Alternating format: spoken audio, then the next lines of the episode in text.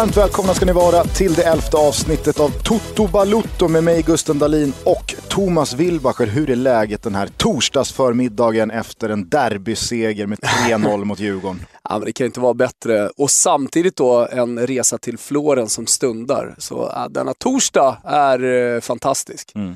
Eh, på tal om AIK så låg jag bakom en BMW på vägen hit. Aha. Som eh, låg och kröp lite för eh, långt under hastighets, eh, hastigheten som, Ja. som gäller på, på Essingeleden. Så jag låg ganska nära honom så, så ser jag att det då eh, finns en dekal på den kristna fisken. Du vet, bara det Ja. lilla fiskeemblemet. Med då det kristna korset i. Och så tycker jag att det, det är något märkligt här, det går inte ihop. För jag ser även att det finns en stripe under reggplåten med AIKs emblem. Och där det i gul text alltid står Vi hatar alla. Det är ju en, en klassisk AIK, eh, en AIK-sägning. Och alla hatar oss. Ja, och så känner jag så här, fan vad det inte går ihop med det kristna, den kristna fisken här till vänster på bilen. Men ju närmare jag kommer så ser jag att nej, det står ju inte alls vi hatar alla, utan då står det bara vi kramar alla. Ja, En jävla ovanlig AIK-mashup. Verkligen ovanlig. I en BMW dessutom gör ju hela mashupen ännu mer ovanlig. Ja. Eh, men vilken jävla insats eh, både AIK och Alexander Isak stod för. Ja, det, det var klasskillnad faktiskt igår. eh, På många sätt. Eh, Du nämner Isak, vi kan väl komma in lite på honom eh, här vad det lider. Men, men vad jag tycker framförallt första halvlek, första 45 minuter som AIK presterar. Och Djurgården som kommer in i den här matchen med en sån jävla inställning och har gått hela veckan och laddat eh, inför den här matchen. Eh, och, och försöker, och försöker, men, men de klarar inte av AIKs höga press. Och sen så också så otroligt imponerande hur, hur AIK-spelarna bara suger upp bollarna. Och jag pratade med en kompis som är djurgårdare och som har haft säsongskort eh, sedan tidigt 90-tal eh, som, eh, som ja, men, bekräftar detsamma. Ibland kan man ju bli lite eh, liksom, blind och färgad, enögd eh, när, när det är derbysammanhang. Eh, men eh, han, han tyckte likadant. Att ja, men Djurgården för att komma upp på samma nivå skulle behöva en fem sex spelare till på planen som faktiskt kan hantera bollen på det sättet som AIK-spelarna kan göra. För det tycker jag var den stora skillnaden. Just den, den teknis- tekniska delen, den, den kvalitativa delen i passningsspelet. Där eh, Djurgården inte ens var i närheten. Mycket snack innan, under och efter handlade ju om eh, Mange Eriksson som mötte sin moderklubb eh, och som hade snackat upp eh, att han Hur själv löd skulle fira. banderollen i norra? Den löd väl inget horhus utan en hora. Välkommen hem Mange. Just det. Så. Men det, det om den banderollen, vad jag skulle vilja säga var att jag tyckte att eh, Mange i... Nej, för att bara stärka... Ja, det, det var ju, det var ju, han, hade ju, han hade ju gått ut och sagt att det är klart att jag kommer fira och ja, varit ganska så kall gentemot sin uppväxt eh, i AIK. Eh, och, och det har jag liksom full förståelse för. Han spelar för Djurgården nu. Han kan inte hålla på och flirta med AIK eh, om han ska bli respekterad och eh, älskad. Och, och, Det finns ju och någonstans såklart nyanser här och man kan göra på Ja, ja. olika sätt. Vi kan nämna Kevin Walker som också är en ex-AIK och sättet han liksom eh, gick till Djurgården på och hur han har uttalat sig om AIK efterhand så har han varit betydligt mer eh, timid jämfört med Mange Eriksson. Absolut, men på samma sätt då, eller på ett annorlunda sätt då, så har ju Mange med sina uttalanden väldigt snabbt blivit väldigt populär Ja. hos Djurgårdssupportrarna. Så det finns ju upp och nedsidor här. Så. Vad jag skulle komma till var i alla fall att Mange Eriksson i sin efter matchen-intervju någonstans menade på att Djurgården var det bättre laget och det tyckte jag bara var så här, nej, det, det, det kan jag är inte köpa. ganska efter, ensam om. Jag hörde faktiskt inte den intervjun. Jag hörde ganska mycket intervjuer, men inte den. Däremot så hörde jag Mattias Ranegis intervju och det tyckte jag var kanske en av de bästa efter matchintervjuerna någonsin. Han var ärlig, han var väldigt öppenhjärtig, han var rak, han vågade svära, han bad om ursäkt för att han svor för mycket. Men han var också väldigt tydlig med att vi slarvar, vi brister i koncentration. Eh, på, på målen, eller på 1-0 målet eh, som, eller som Djurgården släpper in så brister vi i koncentration och det får man inte göra.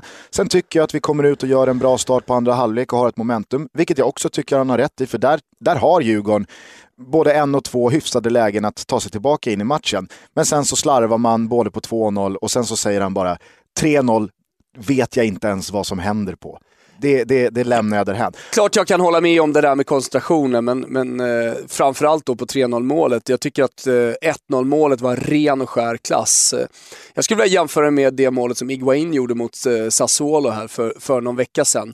Eh, dels passningen, men för all del också avslutet. Eh, det, det, det, var, ja, eller inte så mycket passningen, men alltså eh, Sundgren som hittar in till Ofori som på två touch eh, slår en perfekt macka och det är en perfekt löpning av Isak Mottagningen är världsklass. Och målet, skottet, det är otagbart för Isaksson, men det är förmodligen otagbart för alla världens målvakter. Alltså det, det, det är ett Iguain-avslut. Han sätter den precis i stolproten och han gör det på... Totalt sett, löpningen, mottagningen, skottet osar klass klass, klass. Jag tror att eh, det slarvet som Ranegi hävdade fanns, det var ju att Kebba Ceesay låg två meter nedanför backlinjen. Och hade han pumpat upp och legat som han borde ha gjort så hade nog Alexander Isak blivit avvinkad för offside. Om var... han inte hade märkt det. Kanske. Ja, men det fin- det, man, man, vet ju inte var eh, talangen tar slut någonstans här på Alexander Isak. Det, det var, ju, det var i alla fall befriande nog för egen del att jag hann ut med tweeten om att eh, Ebenezer Ofori har världens vackraste andra touch innan den där assisten. Ja. Han tycker, jag, tycker han, alltså, jag tycker man ofta pratar om första touch väldigt mycket, men egentligen också bara om första touch. Tittar man på Fori på nära håll och när han spelar 90 minuter så har han en bra första touch, men hans andra touch är helt otrolig. Men det är första touchen som lägger upp för andra touchen. Så är det ju, men andra touchen är han någonstans lite egen i, i skolan med. Mm. Han, han flyttar den bollen som gör det omöjligt att ta den ifrån honom. Eh, det är en detalj som jag verkligen gillar. Men, men det som var häftigt med det här derbyt tycker jag också är att Djurgården kommer då från tre raka segrar. Man har vunnit över Malmö FF, man har hur mycket självförtroende som helst. Eh, samtidigt som AIK befinner sig i någon form av guldjakt. Eh, de här matcherna betyder i alla fall eh, allt för, för AIK här i, i slutskedet.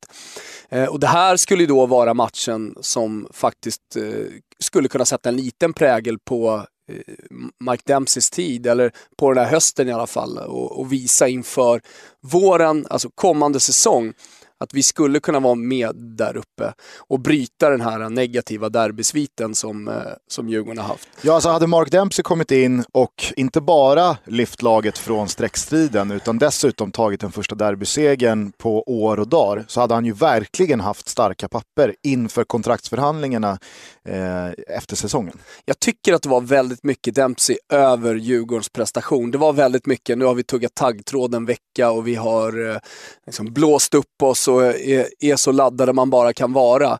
Samtidigt som Rickard Norling självklart ha, liksom hade matat in det i spelarna eh, tillsammans med övriga sportsliga eh, ledningen. Men där fanns hela tiden matchplanen som grund. Och det tycker jag var också det, en, kanske den största skillnaden igår. Just det här med att, att AIK var kyliga i alla moment det, det, det kändes som att man tänkte fotboll samtidigt som Djurgården bara gick ut och, och frustade lite grann. I alla fall i den första halvleken. Sen så skrev jag det också på Twitter i andra halvlek att när AIK, förvisso då såklart i ledning 2-0, Eh, byter in eh, John Chibuike och, och Bassi så kontrar Djurgården med att då, som måste forcera att byta in Amadou Javo och eh, Berntsen. Jo, men sen att det finns en det... helt annan bredd i AIKs trupp och här ska ju också nämnas Djurgårdens skador som de tyvärr då har fått på, på nyckelspelare såklart. som eh, hade kunnat gjort skillnad i en sån här match. Men, men eh, helt rätt såklart att AIKs bredd är något helt annat. Mm. Och, och det är väldigt stor skillnad, tycker du inte det? Om man kollar på alla resultat egentligen, på botten i allsvenskan och toppen i allsvenskan. Man brukar ju i internationell fotboll debattera lite vems bredd är starkast? Är det Premier League, är det La Liga, är det tys tyska ligan eller är det Serie A? Eh, bortom då storlagen. Och eh, ja, men om, man, om man skulle föra över den diskussionen lite till allsvenskan så tycker jag ändå att det, det är väldigt tydligt att det är stor skillnad mellan den extrema toppen och eh, botten i allsvenskan. Mm. Och i just AIKs fall så, så känns det som att man verkligen har en bredd idag på bänken, alldeles oavsett vad man har för startelva. Som man kanske saknade under Andreas Alms tidigare säsonger. Då, då fanns det mera junisar och inte så speciellt många spelare på bänken till matcherna. Där man kände att här finns det att kasta in och verkligen förändra. Nu skickar man ju in två kanske inte fullblodsproffs, för det finns ju en anledning till att de spelar i AIK och inte högre upp i, i hierarkin. Men det är ju klassspelare i grunden, både Obasi och Cibicki. Och det har man ju sett, i synnerhet när de då kommer in från bänken. Mm. Sen är det ett eh, väldigt, väldigt märkligt 3-0 eh, mål som AIK får göra. Det var inte mycket av den där taggtråden kvar. Det kändes som att eh, Djurgårdens eh, luft gick ur dem eh, också lite där på slutet. Kanske också att de inte orkade. Jag tycker dock att man tar en ganska så klar seger i tifo-matchen och då tänker jag pre-game, för AIK stod ju för ett helt fantastiskt halvtidstifo.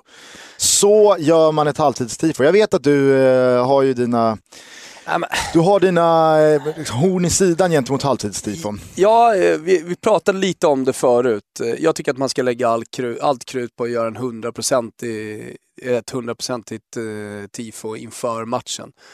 Och eh, jag tycker att det blir ganska tydligt i AIKs fall här att eh, man sprider ut eh, de här procenten på halvtid och inför. Och, och, då blir det inte klockrent, i alla fall det första. Jag tycker att jag tycker, jag tycker att man skulle ha kunnat kört halvtidstifot i, i, i, i, inför och sen så hade man liksom kunnat lämna det där.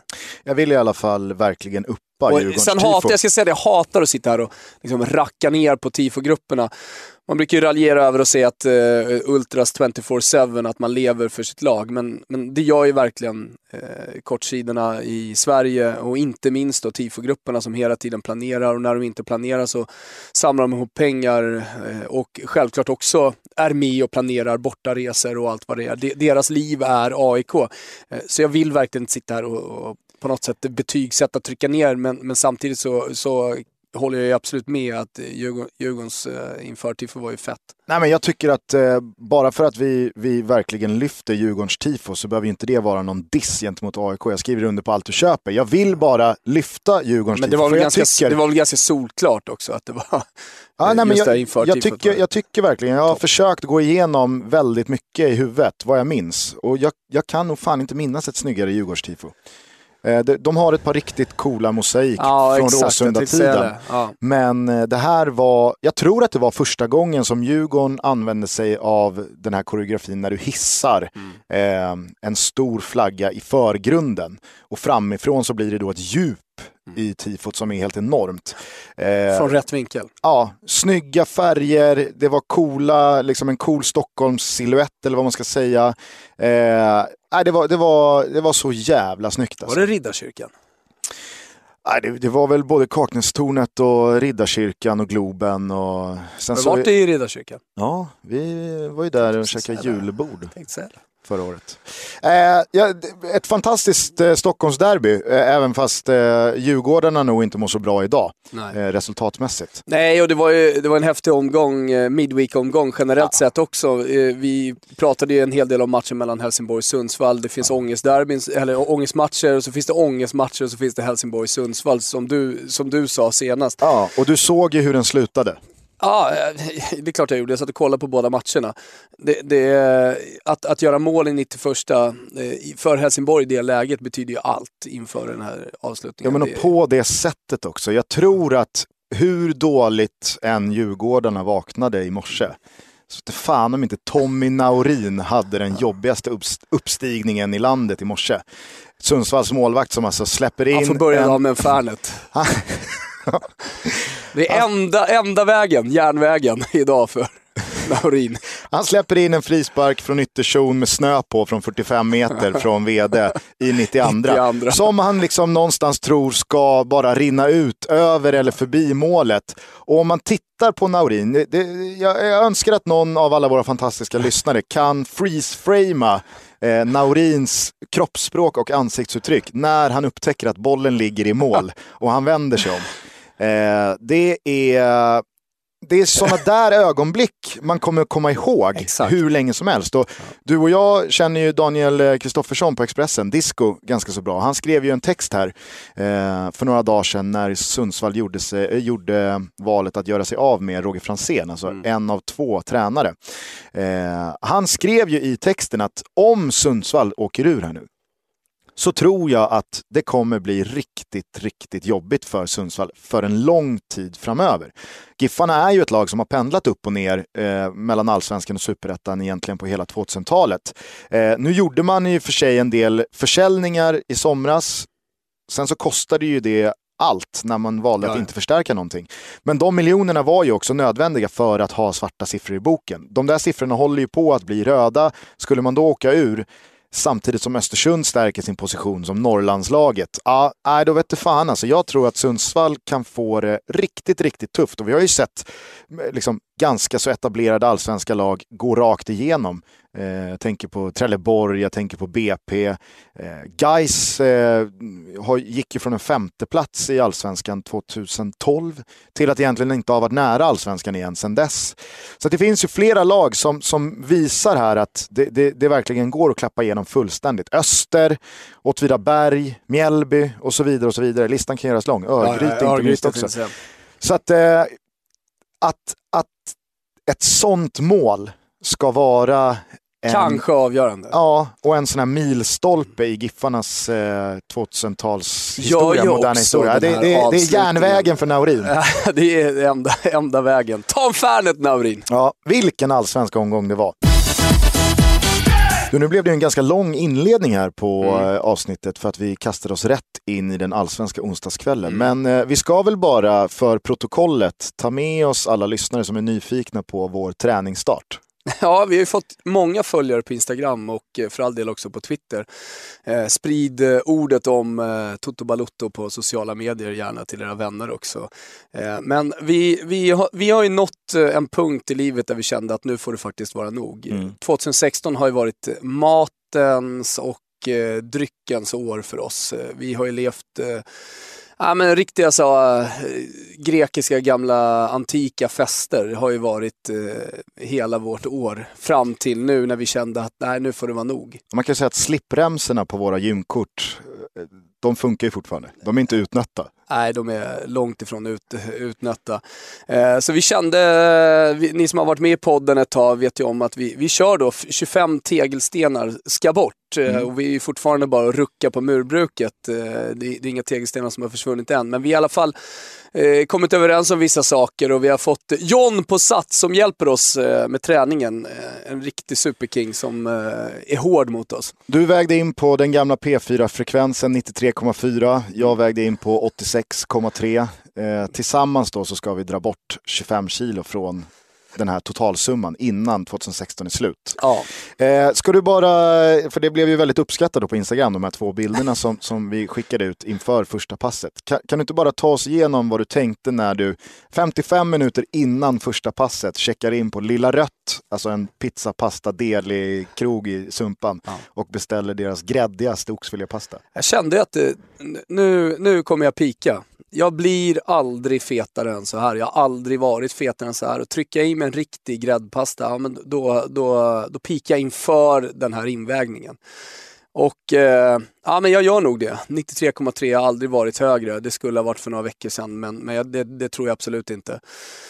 Eh, och, och, känner att eh, nu, nu, nu, får det bli en förändring. Nu ska vi inte prata alldeles för mycket om det här, Gusten. Men eh, följ gärna vår resa eh, ner då eh, vår, eh, vår resa tillbaka. Mm. Jag tänkte bara landa i att du försvann ju där efter 20-25 minuter in i första passet och var borta en kvart. Vad hände egentligen på toaletten? Det tror jag inte lyssnarna vill vara, med på. Men eh, ja, den där gräddpastan eh, i sumpan, den gjorde inte det hela, det hela roligare passet. Nej, men följ oss eh, gärna på Instagram och Twitter. Toto Balutto heter vi och sen så finns det hashtags eh, både um, Toto Balutto och utrikeskorrespondenten mm. och numera även SIG-kampen där första matchen är avgjord mellan eh, Fabian Barthez och Wojciech Szczesny. Ny kamp ute snart hoppas jag. Ja, nästa head-to-head -head, går av stapeln imorgon, fredag. Så det är bara att haka på och göra eran röst hörd. Och sen så kan vi väl bara säga att det är såklart också bara att mejla oss på totobalutto.gmail gmail.com om det nu skulle vara någonting. Så är det. Vi skulle egentligen ha ringt utrikeskorrespondenten idag. Ja. Men han är eh, icke tillgänglig. Han sitter nämligen på en bänk i Istanbul och inte då en Han hamnar på parkbänk. kvisten. och, inte då på en parkbänk och dricker eh, Han blir petad, eh, vår utrikeskorrespondent. Nej, Det vore ju tragiskt. men Gaziantepspor spelar idag cupmatch mot Eyüpspor, ett eh, division 2 eller division 3-lag. Jag har inte så bra koll, låter Danne hälsa. Eh, Ja, så det är och det är helt enkelt en rotation här av coachen. Det är en rotation Och då från... sätts nyckelspelarna på bänken så Danne han får, likt Zlatan då mot Northampton i veckan, Han får, han får väl komma in och styra upp om det skulle stå 1-1 efter en timme spelad. Eh, nej men eh, Eyüpspor är ett Istanbul-lag och eh, Gaziantepspor möter Fenerbahce på bortaplan. Det blir ju den första riktigt stora prövningen här nu för eh, Dannes gäng. Eh, så att eh, de har en liten mini-bortaturné i Istanbul och Danne sitter på bänken. Eh, han visste en och en halv timme innan vi eh, började spela in det här avsnittet inte om han skulle sitta på bänken eller på läktaren. Eh, och hade han suttit på läktaren så hade han kunnat vara med ändå. För det kollade jag upp. Direkt rapport från matchen hade Exakt. ju varit härligt. Och han hoppades ju att få sitta på läktaren eh, för att då kunna vara med i avsnittet. Så att ni får inte tro att han börjar tröttna på eh, eller känner sig hotad av eh, Ponnes medverkan i senaste avsnittet. Utan eh, utrikeskorrespondenten, han lever och frodas eh, och vi kommer ha bevakning på den här matchen som sparkade igång för 24 minuter sedan. Så att plingar det till ett mål här så kan vi ju vara med live när det händer. Väldigt uppskattat av, eh, av lyssnarna att vara med live på en turkisk cupmatch i tidigt skede dessutom. Vad säger han Danne annars? Eh, Lever livet där nere? Livet lever, eh, de, de bor bra, vädret är bra, det är ju fortfarande väldigt, väldigt varmt. Ja. Eh, sen så är det såklart, det är svårt att prata om för att det här är ju ett ganska lustigt segment. Men det går inte att komma ifrån också att han är ju väldigt nära ett riktigt jävla helvete. Mm. Det smäller ju Aleppo liksom, vecka ut och vecka in. Så att, det Men ju, presidenten vägrar låta Danne gå som free agent. Mm, verkligen. 500 kakor ska han ha. Någonting Euro, sånt. euro. Ja, euro. Det är en euroväska.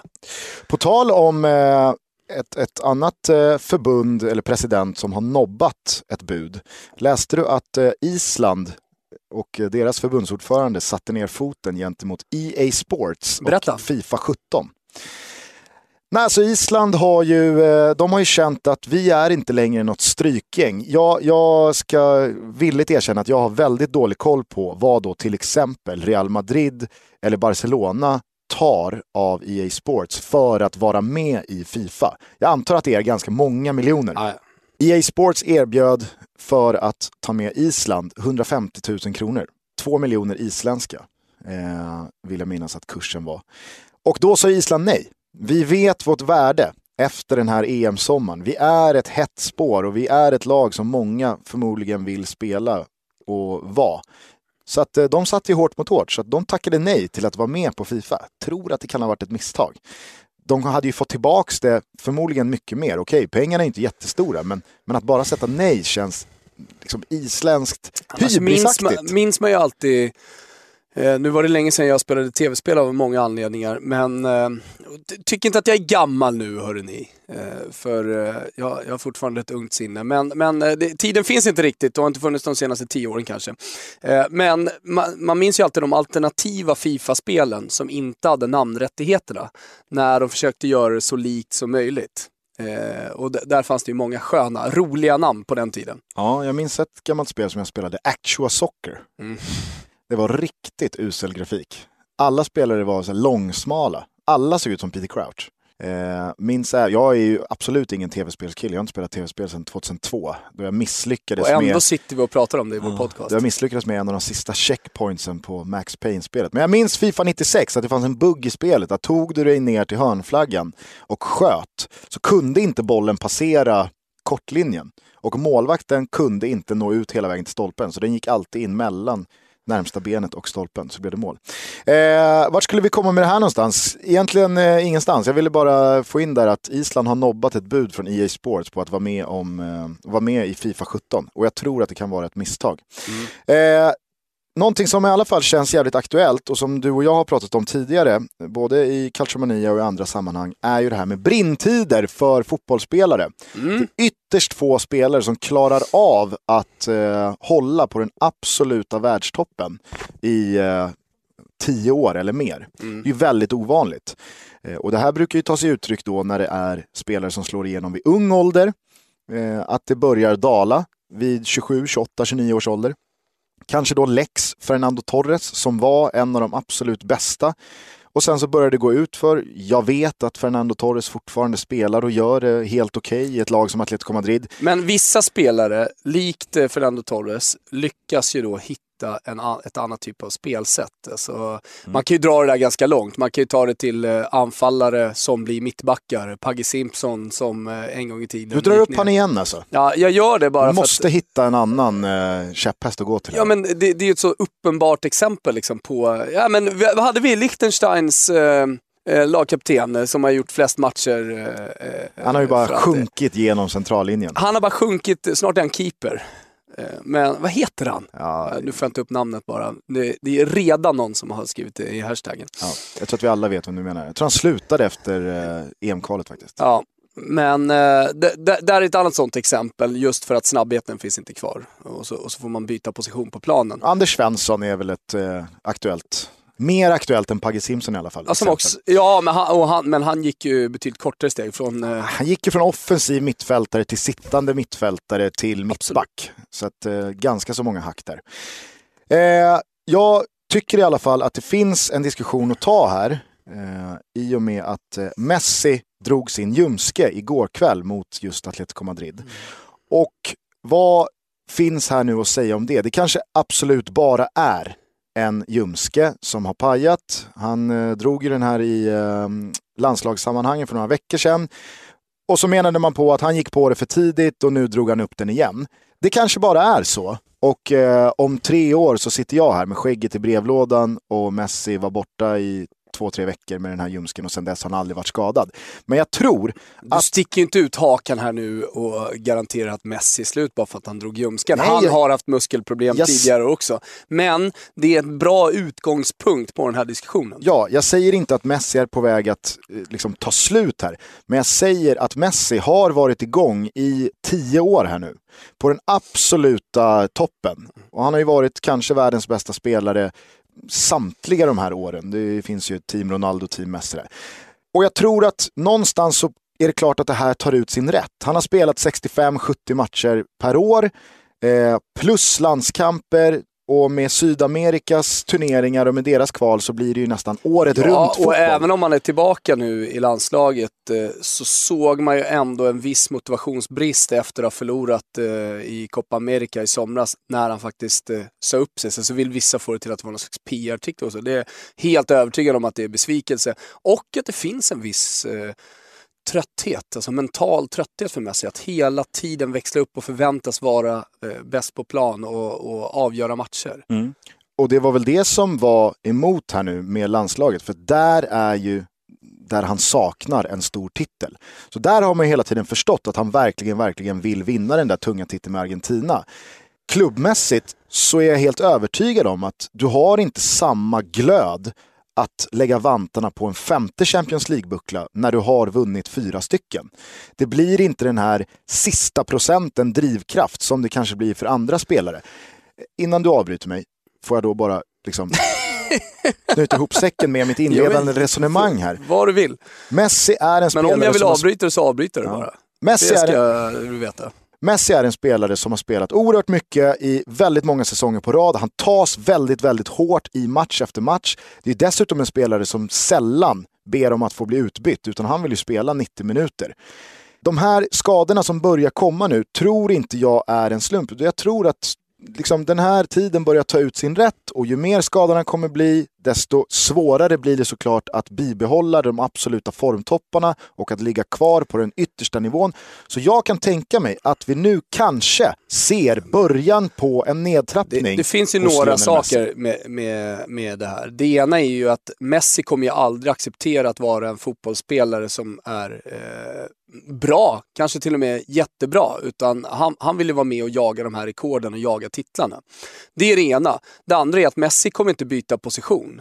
Han kommer inte helt plötsligt bli en sittande mittfältare. Pagge Messi? Nej, och, och, och, här finns det ju faktiskt eh, en stor skillnad mellan fotbollsspelare, så mellan eh, eh olika typer av eh, Eh, spelare rent fysiologiskt sett. Alltså är du en, en, stor mittback så finns det problem med det också, att man kanske sliter mer på knän och sådär för att du är tyngre. Men, men de här explosiva spelarna eh, har ju ofta en lite kortare brintid. Alltså för, för, att, jag menar Messi lever ju så extremt mycket, självklart på sin fot och sin, sin, sin, eh, sin teknik, men också snabbhet, just att han kan gå förbi spelarna. Det är, det är sättet han lirar på.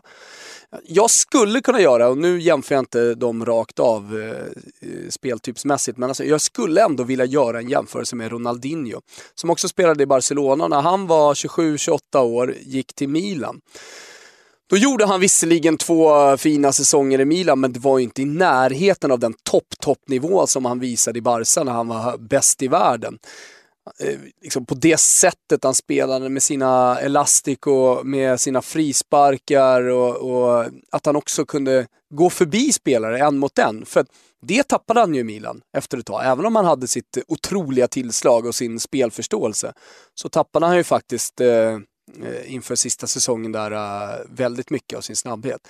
Sen är jag fullt medveten om att han gjorde 12 mål och 16 ass och så vidare i, i Milan-tröjan där.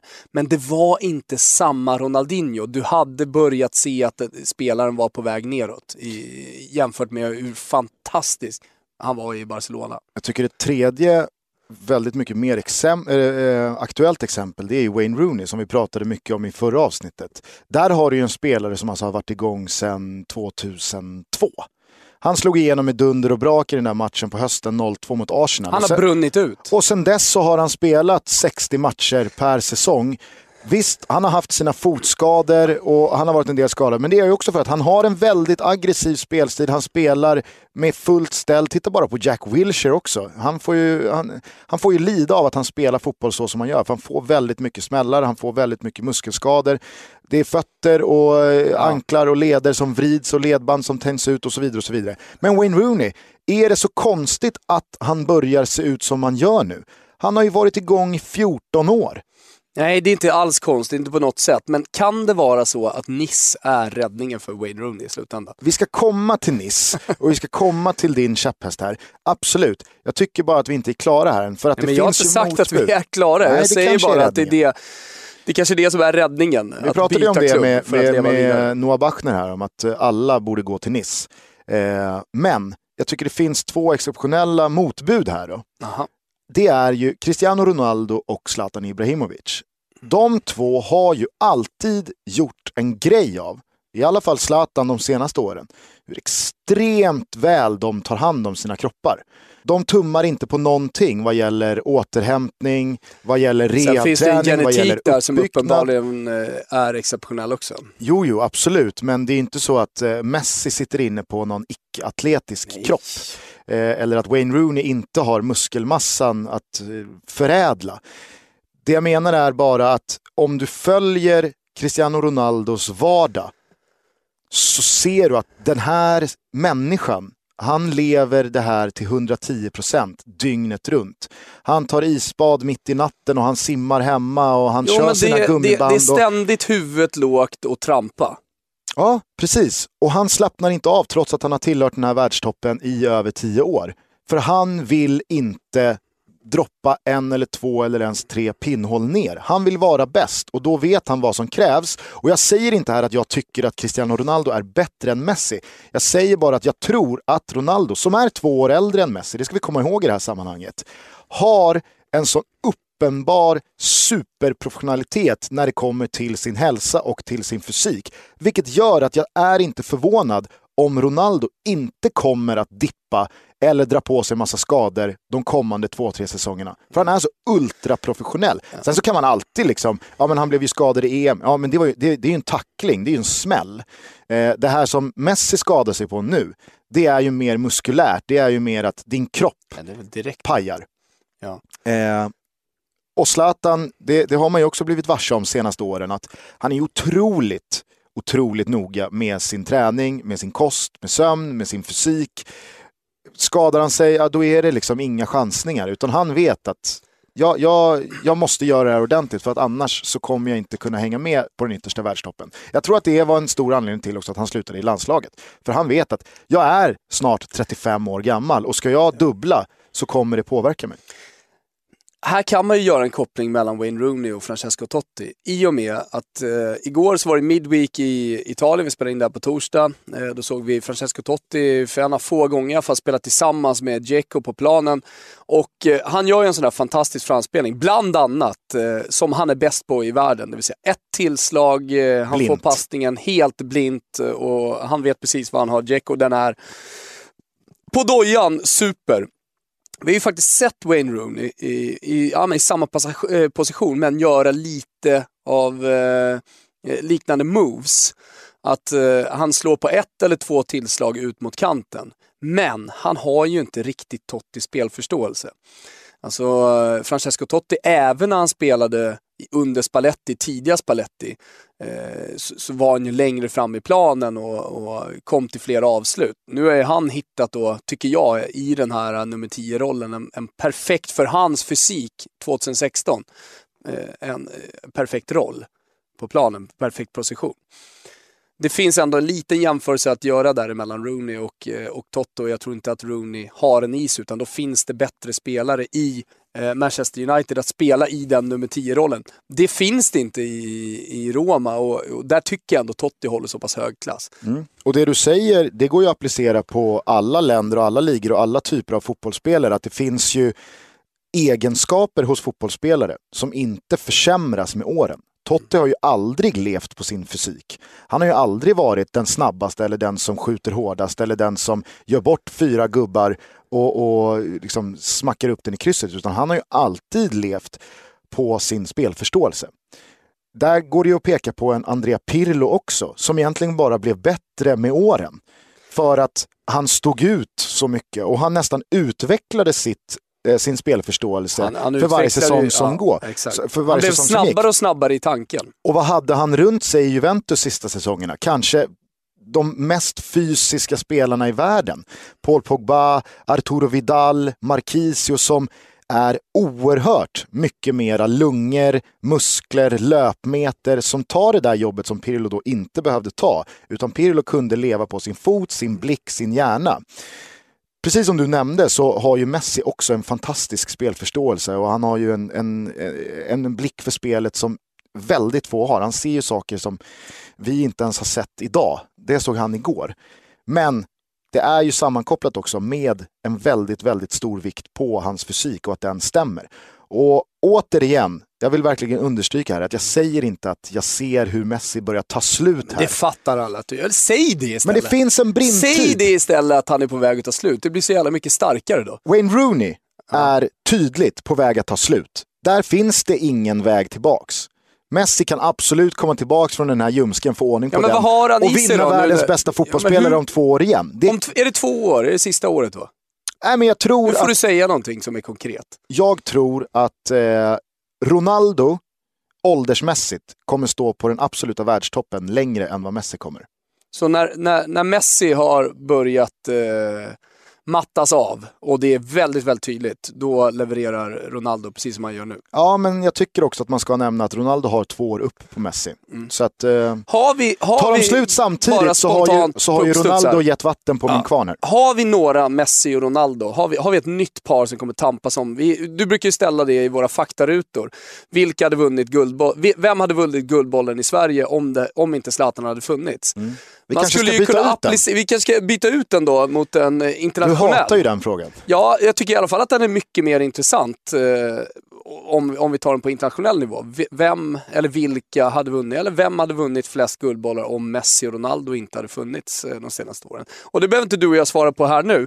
Jag säger bara, finns det, finns det ett par, finns det tre spelare? Vilka kommer ta över eh, tronen? Ja, det är ju en jävla bra Eller, fråga. Eller alltså. kommer vi komma tillbaka då till som det var innan? Att det var, väl, alltså att det, var, det var nya spelare i stort sett hela tiden. Det, För det här är ju någonting egentligen unikt, det mm. som händer under ja, Messi-Ronaldo-tiden. Ja, kanske, inte över, vi... kanske inte över två, tre, fyra år, men så länge som de har ja. hållit på. De har väl vunnit alla guldbollar sedan 2007 tror jag. Mm. Eller 2000, ja, 2007 tror jag var sista guldbollen som Kaká delades ut. vann... 2007 tror jag. Ja.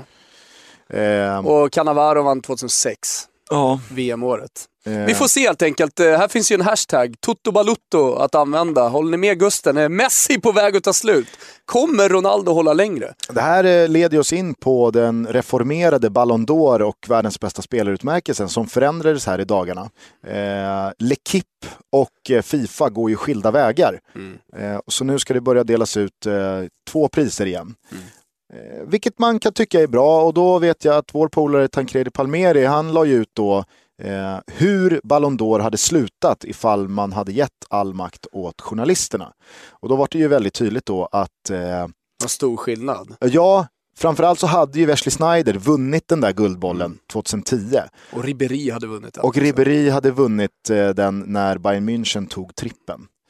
Men jag vet inte, vad tycker du är rätt? Ska fans, ska journalister eller ska de aktiva själva, alltså i det här fallet förbundskaptener och lagkaptener, vilka är, det som, vilka är det som avgör vem som är bäst i världen? Äh, nu kommer vi in på eh, lite av ett så här, Martin Åslund, eh, en liten så här, Martin Åslund-diskussion. V vem ska få tycka om fotboll och vi, vilka har veto egentligen på tyckandet? självklart så har ju alla det, men, men till exempel då i en fotbollsstudio, vilka ska sitta där och tycka? Ska det vara en balans mellan journalister och, och gamla fotbollsspelare eller ska det då dra betydligt mer åt gamla fotbollsspelare som vi ser ännu mer internationellt än, än vad vi gör i Sverige? Där egentligen de, de största stjärnorna i våra tv-studios är journalister.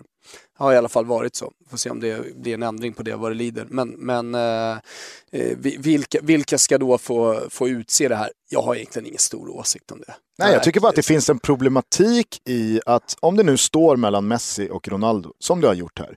Lägger man, lägger man för mycket makt åt supportrarna, eller vad man ska säga, så kommer det ju alltid bli så att det blir en subjektiv bedömning. Jaja. För att Barca-supportrar eller folk som inte gillar Real Madrid eller inte gillar Ronaldo skulle ju då aldrig rösta på Ronaldo för att man har någonting emot honom. Eller vice versa.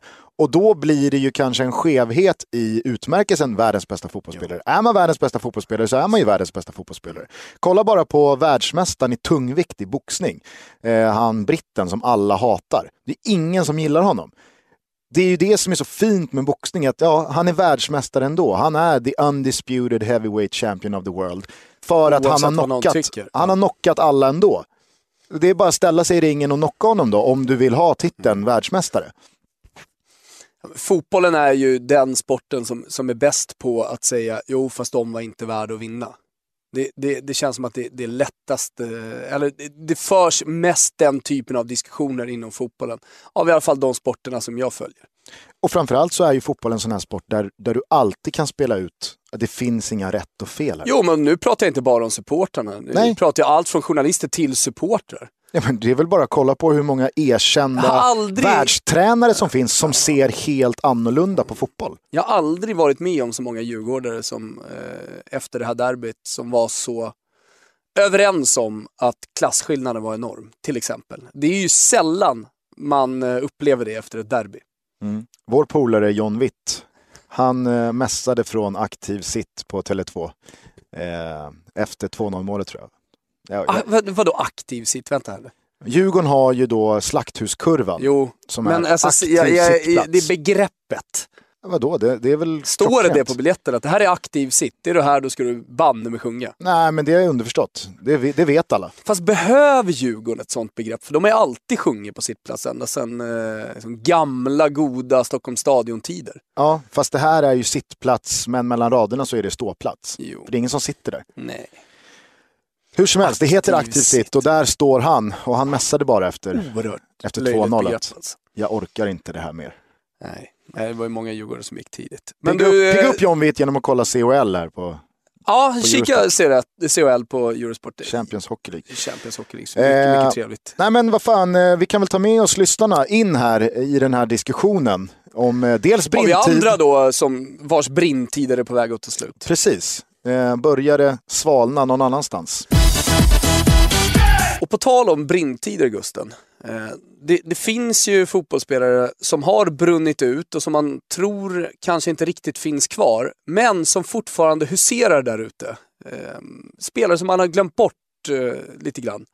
Ja, och, inte bara lite grann. Nej men väldigt, väldigt mycket. Helt och hållet. Helt och hållet. Vi, vi har pratat lite om det här på slutet och vi, har, vi, har, vi har sett en, ja, men vi, har, vi har börjat hitta sådana här spelare. Ja, ja men det här aktualiserades ju för några dagar sedan när PSG släppte en pressbild på sitt nya helvita 3D-ställ som var väldigt snyggt. Eh, men då, då fångade mitt öga... Fan bry sig om hur deras tredje ställ ser ut. Mitt öga fångades i alla fall av dels då att Serge Aurier eh, var näst längst fram på den här bilden. Alltså, mannen som drog en... Eh, han hissade periskopet medan han rökte en Fler vattenpipa. borde hissa periskopet när de röker vattenpipa. Ja, han tog ju heder och ära av eh, såväl Laurent Blanc som Paris Saint-Germain. Hellre det än att aldrig hissa periskopet. Blev avstängd av klubben och ett Här är halvår jag senare... helt klart på Auriers sida. Kan jag få prata klart någon gång? Jag Eh. är på Auriers sida, så är det.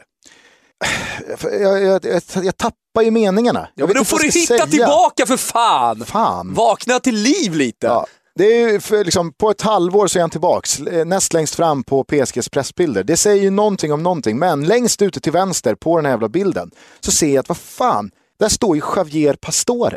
Spelaren som var helt fenomenal när han spelade i Serie A och i Palermo, som gick för stora pengar till Över PSG. 40 miljoner tror jag. Ja, och var väldigt bra i PSG fram till det riktigt tunga kavalleriet red in i eh, den här stan.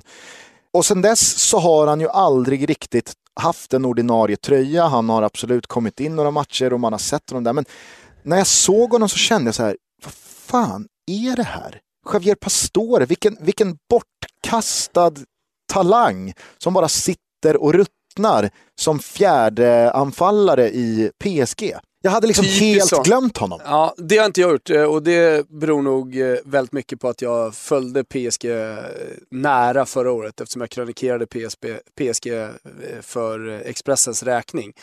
Och han hade faktiskt perioder förra säsongen som var bra. Men det här blir ju, det här segmentet, eller den här typen av spelare är ju väldigt subjektivt beroende på vilka ligor man följer och hur nära man följer olika, olika typer av lag. Men jag tycker ändå en spelare, och nu nu håller vi oss ändå på någon form av nivå tycker jag fortfarande. För vi kan inte börja prata om spelare som just nu som Soleil Montari som befinner sig i, i Saudiarabien. Ja men det är egentligen inte konstigt. Det är klart att det finns en drös spelare i Saudiarabien, men som ändå spelar på någon form av nivå. Christian Ledesma, gamla Lazio-mittfältaren liksom gjort flera hundra matcher för Lazio och alltid varit eh, en nyckelspelare för sina lag. Du och jag skulle kolla på AIK mot eh, Panathinaikos i somras, det var Europa League-kval. Och se på fan där, vi hade missat den övergången. På mittfältet står Christian Ledesma och skickar bollar precis som han gjorde i Lazio. Det, det var en sån spelare som jag trodde hade dragit hem till Argentina och, och försvunnit helt. Jag kontrar då med Ricky Lambert som eh, Ponne berättade att han stångades mot senaste matchen mot eh, Cardiff. Då kände jag bara, vad fan, Ricky Lambert var en av Premier Leagues absolut bästa spelare, nu ska vi se, för tre säsonger sedan när han liksom slaktade rent hus med sitt Southampton, ett väldigt spännande Southampton. Var ju en av alla spelare som då lämnade för just Liverpool, kom till Liverpool och det var ju en väldigt fin story där att det är hans eh, liksom, klubb i hjärtat och han hade ju en helt makalös sagolik karriär. Han hade stått och packat rödbetor tror jag 6-7 år innan och nu så kostade han 100 miljoner och fick nummer 9 i Liverpool och allting skulle bli frid och fröjd. Gjorde ju knappt en kasse i Liverpool, skeppades iväg till West Brom för något år sedan och sen så bara dog det. Och så pratar vi med Ponne och han säger så här, "Ah, ah stångades med Ricky Lambert. Då säger man, vad fan, Ricky Lambert, ja han lever. Han lever och frodas i Cardiff just nu. Jag, jag tror ändå att det är ganska många som blev förvånade, som inte följer den italienska ligan väldigt nära. Eh, för nu håller jag mig ändå fortfarande där. Eh, när de såg eh, Borriello som målskytt för Cagliari. För där är ju en spelare som verkligen har försvunnit från fotbollskartan och så som helt plötsligt nu har studsat upp. Betydligt vanligare ska jag säga i Italien. Och det här är inget praktexempel. Men om vi ska ta en svensk då. Så har ju faktiskt Ola... Borriello bara om jag får sticka in, han försvann ju, alltså där kan vi prata om ett kontrakt som låg spelaren själv i fatet. Exakt. Han var ju för dyr för att vara intressant för någon annan klubb. Och därför fick han sitta Och han var för kåt på pengarna. Ja. Och han För vill att inte, han vill inte lämna Italien heller. Så han fick ju sitta ibland på läktaren, ibland på bänken hos Roma i två säsonger. Ja, har gjort otroligt lite mål. Egentligen eh, sen Genoa-tiden 12 så har han, eh, jag tror han har gjort eh, inte ens tio mål på fyra säsonger, eh, vilket säger en hel del. Och så nu har han studsat upp och har det här vadet som ni har hört säkert i våran podd här med Christian Vier, att han ska göra 15 i år. Han har onekligen börjat bra. Eh, men, men jag tror ändå att det var många som blev, eh, eller som hajade till lite när de såg att eh, Ola Toivonen blev tvåmålsskytt i Toulouse. Och nu pratar vi ändå om en svensk spelare. Jag, tr jag tror inte ens att många om, om vi snackar nu brett eh, fotbollsintresse, hade koll på att Ola Toivonen lirade i Toulouse ens. Han har haft en ganska rörig eh, klubbkarriär de senaste åren med utlån till Sunderland och så känner man spelar inte han i Sunderland. Och så helt plötsligt var han tillbaka i, i Frankrike. Och, ah, jag... jag... tror också att det var många som fick googla, vad hände egentligen med Isak Kiese i somras? Lånades han ut till någon eh, fransk andra klubb? Men studsade också upp igår som eh, dels eh, assistmakare men också målskytt på straff för Bordeaux. Blir ofta så när svenska spelare faller bort från landslaget, att man tappar även kontakten med deras klubbkarriärer. En spelare som skulle kunna bli en sån där som helt plötsligt eh, vi hittar i Premier League eh, eller vad vet jag i spanska ligan. Eh, det är ju Pizarro, din gamla lirare i Roma. Ja. Han var ju på väg att komma tillbaka i sommar. Hade han landat deadline day så hade ju ingen liksom, gjort någon, någon stor grej av det här, här hemma i Sverige. Och han hade kunnat vara en sån spelare som bara helt plötsligt studsade upp. Hur många av hundra tror du på uppstuds kan säga vart Henok Goitom spelar idag? Ja, men exakt, det är en jättebra fråga. För ett år sedan, AIKs bästa spelare, en av allsvenskans mest produktiva eh, offensiva spelare, hade ju guldaktie när säsongen tog slut och hans kontrakt dessutom. Gjorde någon märklig session i Getafe under våren. Eh, och sen dess så har det varit eh, att han har tränat med AIK men eh, inte fått något kontrakt eller fått ett kontrakt och tyckte ja, att det var för dåligt. AIK försökte ju signa honom i sommar. Det sa ju Westström igår på intervju med Disco. Oavsett vad, Henok Goitom spelar mindre än ett år sedan han var allsvenskans kanske bästa spelare mm. i ett lag som ja, inte speciellt många tar på uppstuds. Nej. Jag kontrar med en tränare, André Vias Boas, som gjorde stor succé med Porto, skulle bli liksom the next Mourinho. Mm. I Chelsea misslyckades där, tog Tottenham, var i Tottenham länge och sen så plockade han Zenit Sankt Petersburg. Eh, vad gör han idag? Ja. Jag har inte en jävla aning alltså. han är arbetslös. jo, jo, han, är, antingen, han är på en så kallad waiting list. Antingen så, alltså antagligen så räknar han väl Finns, rubel. Ja, jo, det är klart att han gör det. Men håll med, om att, håll med om att han är ju oerhört bortglömd. Ja, framförallt så är han bortglömd från att ha varit, som du säger, the next big thing till The att, next alltså, Mourinho. vilken klubb ska han ta härnäst, eh, Vias Boas? Får jag ta ett riktigt nördigt exempel till? Eh, och då jag kvar lite. Ska vi till Italien? Tänka, ja, men alltså jag kommer att tänka på Martin Åslund. Han har ju kallat då eh, Raffaele Palladino som skulle bli eh, Italiens svar på Cristiano Ronaldo. Supertalang. Eh, de spelade ihop 04-05 i Salernitana. Då gjorde Raffaele Palladino 15 baljer i Serie B.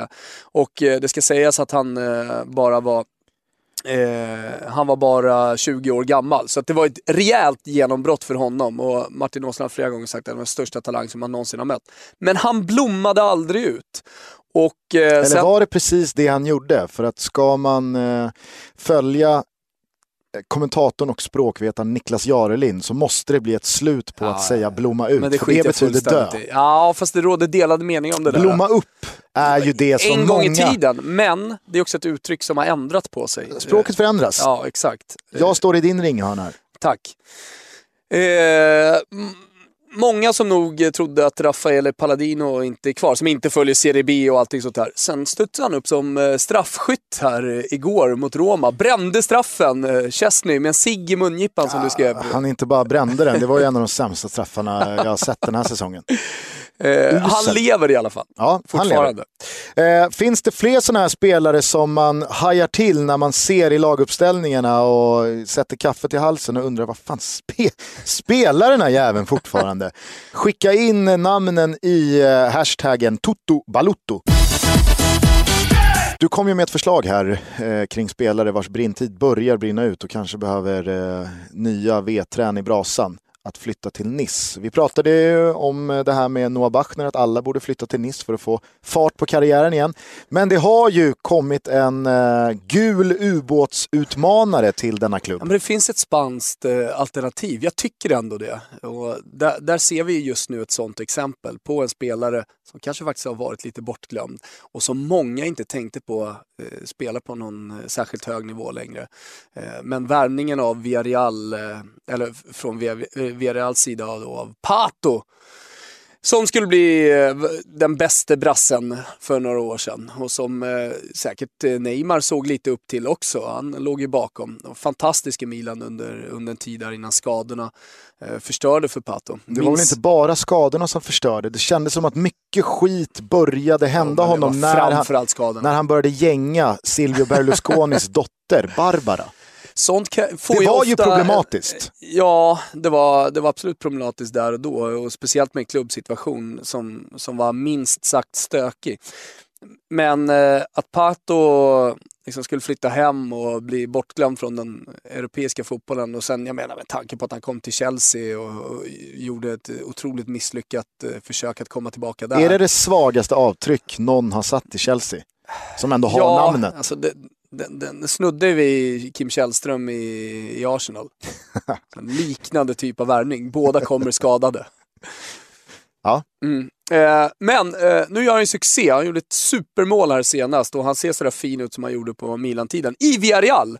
Och då för ju det, i alla fall för mig, tankarna till Dos Santos, eh, Barcelona-talangen som skulle bli den nya Ronaldinho en gång i tiden. Såg lite lika ut och lika spelsätt. Det blev aldrig nya Ronaldinho.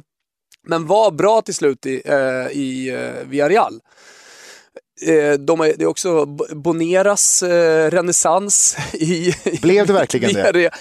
Ändå någon slags liten renässans får vi ändå säga för Bonera. Alltså nu, nu greppar vi efter halmstrån då kanske. På tal om Bonera och Villarreal så måste jag då bara berätta anekdoten från i våras. När jag var nere och eh, jobbade med kan det varit eh, semifinalen i Europa League mm. mellan Villarreal och Liverpool. Det var ju när du hade jobb fortfarande. Gjorde jag, Niklas Jarelind och eh, Anders Svensson då på plats på El Madrigal i denna gudsförgätna stad som heter Villarreal.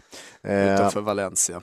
Då var ju Europa League-bucklan på plats. Det är ju den gamla klassiska Uefa Cup-bucklan som Glenn Strömberg i det klassiska klippet 82 skriker “Här kommer den då gubbar!” När han lyfte den efter eh, segern mot Hamburg. Det är fortfarande den pokalen och den var på plats och det här slogs ju alla tv-team om att få ha med i sin studio. Och när då den italienska eh, sändande kanalen försöker få eh, Uefa Cup-bucklan i sin studio till deras då pregame-snutt. Eh, så är den upptagen och matchdelegaten, Uefa-delegaten, säger då men okej, ni får inte bucklan. Men vill ni ha Bonera istället? Ni kan få Bonera i fem minuter till studion. För att han var då inte ombytt ens, utan han var skadad eller sjuk eller vad fan han var. Kanske var för dålig. På. Eh, de tackar nej. Nej. nej. Får vi inte bucklan alltså så kan det lika gärna vara. Samma, eh, samma Bonera som bara ett par år tidigare sa till Prandelli att jag är här om du behöver mig. Var det, inte, var det inte Conte? Det var framförallt Nej, det var, det, var Prandelli, Prandelli inför VM 14. Inför, VM 14. Ställde han sig till förfogande en helsida intervju med Gazzetta dello Sport. Sista chansen att vara med i ett mästerskap tyckte Bonera. Ja, Prandelli som alltså var italiensk förbundskapten. Då är ju inte han... konkurrensen stark. Nej, han gick ut och sa det att vill Prandelli ha mig så är jag redo. ringde ju aldrig i den där luren kan jag säga.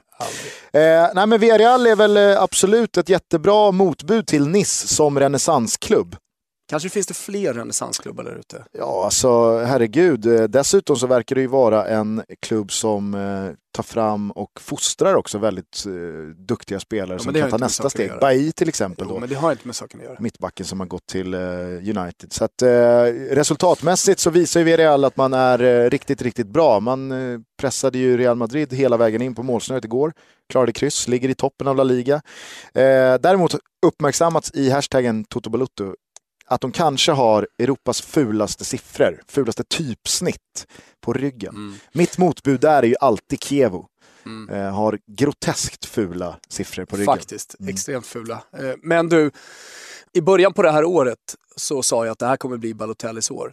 Sen fick han en skada eh, sportstjärnan och brock i, i ljumsken som gjorde att eh, han fick eh, ja, men en, en, en, del av eh, vårsäsongen i alla fall förstörd, inledningen där och, och vintern.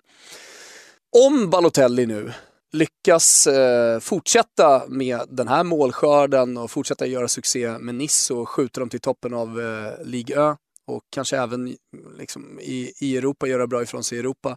Kan vi då prata om att det är Borrell, äh, Balotellis år? Kan jag, kan, kan jag fortfarande vinna eh, den här kampen? Som många har hånat mig för. I relativ mening kan man ju absolut hämta hem den. Ja. Sen så kommer han nog säkert inte ha någonting med den nya guldbollen att göra. Jag har ju alltid emot att han gör det i liga. Ja, ja, herregud, absolut. Och det är jag ju medveten om också. Men säg att han gör 12 baljer under, under hösten, då måste jag ändå eh, vinna. Annars kan vi nog börja prata om eh, Mario Balotelli som en av de kortaste stakarna på ett ljus.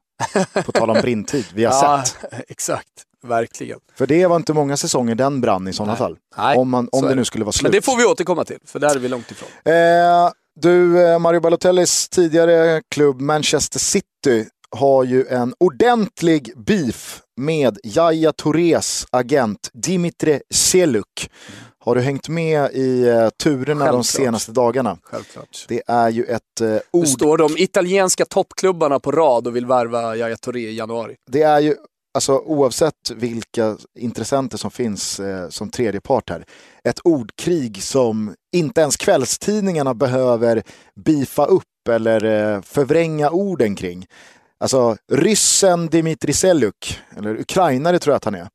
Eh, han, är väl, eh, han har väl varit Jaja Tourés agent ända sedan eh, Jaja inte mm. fick arbetstillstånd efter provträning med Arsenal. Och tagit honom under sina vingar, gjort enorma stålar på Yahya Touré som alltså i många år har varit en av Premier Leagues bästa spelare. Dessutom så tar ju han en katt som är 15 procent. Det är ju ganska så mycket mer än, leg, alltså än, än, än det vanliga 10 procent. Mm. Jag var på väg att säga legio, men jag har fått bassning om att jag ja. använder legio helt fel. Ja, så det tog jag tillbaka det. Eh, Pep Guardiola, han har i alla fall eh, lämnat Yahya Touré utanför Citys Champions League-trupp. Mm, där har du varit inne på att du tycker att eh, Pep Guardiola gör rätt här. Och jag tycker ja. att Pep Guardiola visar med all tydlighet att han tror på vissa spelare och han ja. tror inte på andra spelare. Eh, men det här kan ju inte agenten Dimitri Seluk ta. Eh, och eh, säger i några uttalanden här att Guardiola vinner några matcher, sedan tror han att han är kung. Men jag lever i Europa så jag kan säga vad jag vill. Guardiola kan inte hindra mig från någonting. Det här säger han efter att Guardiola gått ut och sagt att Yahya Touré kommer inte spela en enda minut i Manchester City förrän du har bett om ursäkt och du är då Dimitri Seluk. Eh, och så har han ju då lackat ur på att eh, Guardiola behandlar Yahya Touré och Joe Hart. Att man kommer inte in i någon annans hus och talar om för de som har bott där längst ifall de ska stanna eller inte, utan det får man helt enkelt eh, rätta sig efter. Eh, och så skriver han, eh, Pep vill inte ha spelare med stark personlighet. Han vill endast ha spelare som är rädda för honom och gör allt han vill. Det första han gjorde när han kom till City var att starta bråk med Jaja och Joe Hart, två klubbens största spelare. När du kommer in i någons hus ska du behandla dem med respekt. Du ska inte gå in i någon annans hus och be dem att försvinna. Eh, och så säger han att jag kommer be om ursäkt till Guardiola när han ber om ursäkt till Manuel Pellegrini. Alltså, han håller ju inte igen här, den gode Seluk. Nej, verkligen inte det känns ju inte som att Guardiola heller kommer krypa till något som helst kors någon centimeter alls. Nej.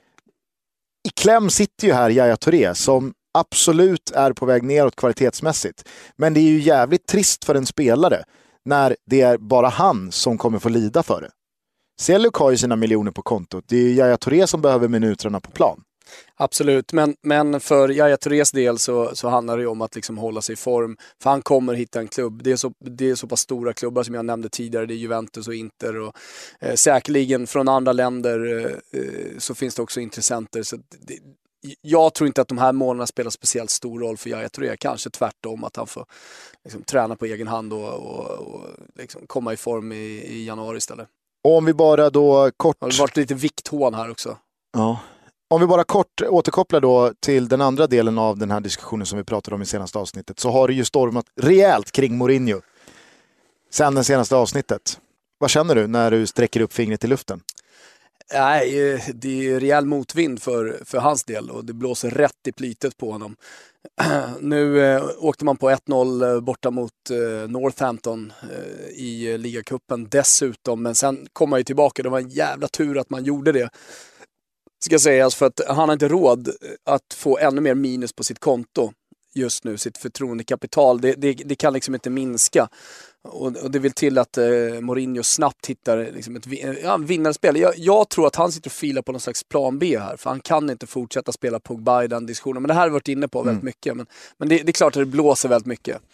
Blir ju en oerhört intressant match här nu mot Leicester i helgen. Ja, Den missar vi inte. Nej, inte för något i världen. Då är jag i Florens för övrigt. Som extra Sitter jag på en vingård med 3G-koppling förhoppningsvis och kan se den matchen. Som extra krydda till den här diskussionen så eh, ska vi komma ihåg att oddsen på att Mourinho fullföljer säsongen som tränare för Manchester United har droppat från 25 gånger pengarna till 8 gånger pengarna. Det är ju eh, en tydlig indikation på någonting i alla fall. Hörni, vi ska börja runda av. Jag tänkte bara att vi skulle ta in Jakob Lemkes mail och uträkning som ett litet exempel på vad våra fantastiska lyssnare sysslar med på sin fritid. Mm. Eh, i, igångknuffade av oss och det vi har pratat om här. Ni minns diskussionen kring Wales och Rumäniens förhållande sett till Fifa-rankingen och att de har slutat spela träningsmatcher i ganska så hög utsträckning. Av den enkla anledningen att man faktiskt missgynnas rankingmässigt av att spela träningsmatcher. Oavsett hur det går i dem. Eh, och då tog Jakob Lemke på sig uppgiften att räkna ut hur det hade påverkat Sveriges rankingpoäng ifall man hade skippat januariturnéerna eh, sedan eh, 2013. Mm. Vet du vad Lemke landar i? Berätta. Jag ska läsa upp här. Jag fick fram att Sveriges rankingpoäng om man inte spelat januariturnén sedan 2013 skulle vara 817 istället för nuvarande 656. Det skulle ha lett till hela 11 platser upp på världsrankingen. Från plats 40 till 29. Anmärkningsvärt. Mycket. Alltså, det är helt otroligt. Mm. Vilket jävla hopp. Vi ger väl en brasklapp till att eh, alltså Lemke flaggar själv för att det är en amatörmässig beräkning men han tror att han har fått ja. det rätt här. Ja, men... eh, så det, det, finns säkert någon som kanske Ingen rök kan, utan eld. kan skjuta ner det. Men eh, det, det, här är ju... Det finns positioner att vinna i den här rankingen. Ja, verkligen. Och det här Sluta ju... spela träningsmatcher. Sluta spela Nej. träningsmatcher Skit ifall vi vill komma i bra, bra sidnings... Kalla er för något annat än Sverige. Ja, Verkligen. Kör under eh, falsk flagg. Kör under pseudonym. Vad skulle vi heta då? Nej, jag har ingen bra alltså. eh, hörni, vi ska runda av det elfte avsnittet av Toto Balutto. Eh, Toto Balutto redan, kanske vi eh, skulle heta. Ja, kanske. Vi har redan puffat för våra sociala medier, det ska vi inte göra igen. Tack till vår superproducent Kim Wirsén. Tack också till Andys Frukt med Tony Bacci i spetsen. Ja, tack till alla som skickar in bilder. Det är roligt att följa Andys Frukts äventyr då med bussarna ute i Stockholmstrafiken framförallt, men mm. lite ute i landet med. Och så följer ni med på resan som är Unaltro Giro, en bok som kommer lagom till julhandeln. Årets julklapp sägs det att det ska vara. Gör det det? Ja, ja. ja, ja vad bra. Eh, hörni, eh, för er som lyssnar på Offsides podcast så kallade ju de oss i deras senaste avsnitt för deras Beatles. Mm. Att vi kommer till slut driva dem till vansinne likt Beach Boys frontman Får hoppas att det blir så då. hänga med i Beatles takt och eh, excellens. Så jag tänker att vi ska gå ut på när vi har haft ett litet Manchester City-snack här i slutet eh, på Hey Jude. Och avslutningen som City jävligt fräckt bara har snott och gjort till deras ramsa. Så Kimpa, du kan väl eh, spola fram i detta mästerverk och så går vi ut eh, till tonerna av Paul McCartneys nynnande på na na na na na na na na na na na Hey Jude Ciao a tutti!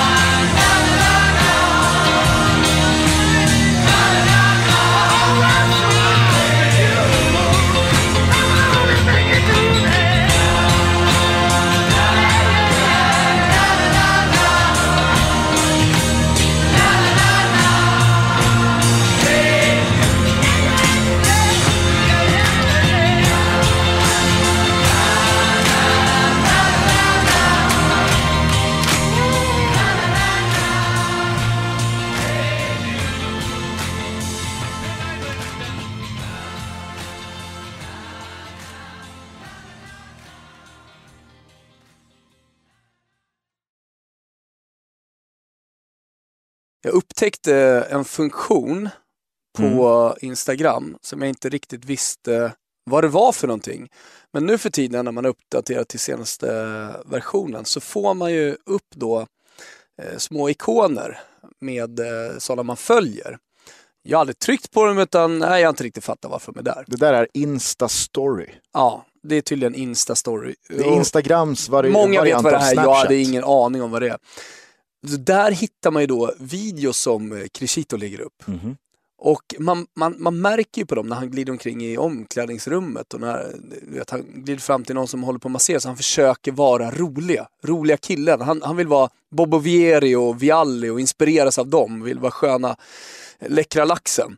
Men man märker på de andra spelarna att de, de, de tycker bara att Cusito är en tönt. Lägg ner det där med ditt eh, fåniga Instagram. Så det, är, det, är inte, det är inte bara Toto Balutto som har uppmärksammat det här.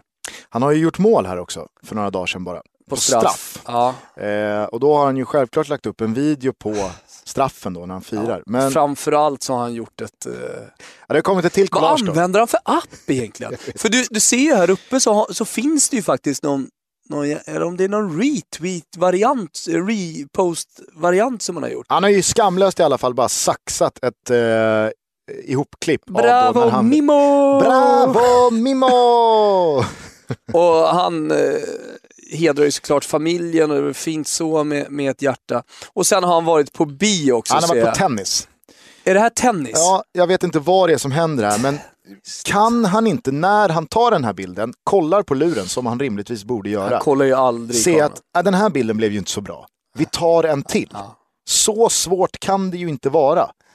Nej, återigen det här med ljuset. Det ser ut som att de sitter, liksom, jag vet inte, med st- världens största storbild precis framför dem. Så får det här blåa ljuset på sig. Ja. Sen så kan vi ju då bara avsluta i den senaste bilden som han har fotat sina två söner i Vad pyjamas.